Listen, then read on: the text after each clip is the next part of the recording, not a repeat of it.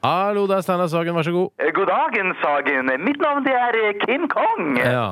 eh, Hva så? Ki- eh, King Kong? Nei, nei, nei, nei, nei. Kim Kong.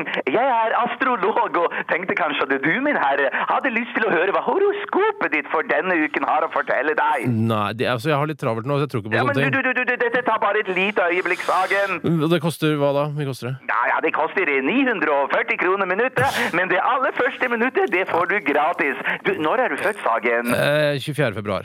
Å ja, du, da er du født i rumpetrollets tegn. Mm, Nei, jeg, mener, jeg tror jeg er født i fiskene, faktisk. Ja, ja, jo ja. Du er født i fiskenes periode, det stemmer. Men hver enkelt dato har også sitt eget stjernetegn. Er du født 24. februar, Sagen, da er du også født i rumpetrollets tegn.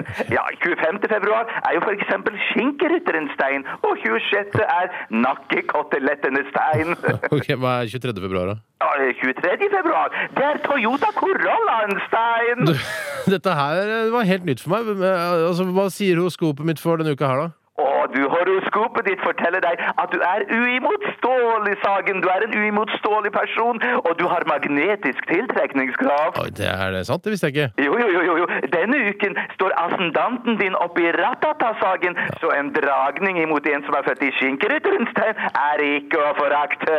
Ok, Greit, det. Tusen takk skal du ha, Men, men, du. men, men, men, men mot slutten av uken så står ascendanten din i tjukkebollafeitens tegn, Sagen. Ja, den gjør vel det. Hva sa du? Nei, jeg sier at nå har det gått et minutt. Jeg må legge på. Ha Ja, men, det men, men, godt. men er du ikke spent på hva horoskopet ditt sier for kommende helg? Nei, det er jeg ikke. Ta hensyn til kroppen din, Sagen, og lytt til kroppens Og signaler. hva, hva- hva skal det bety? Må du tisse?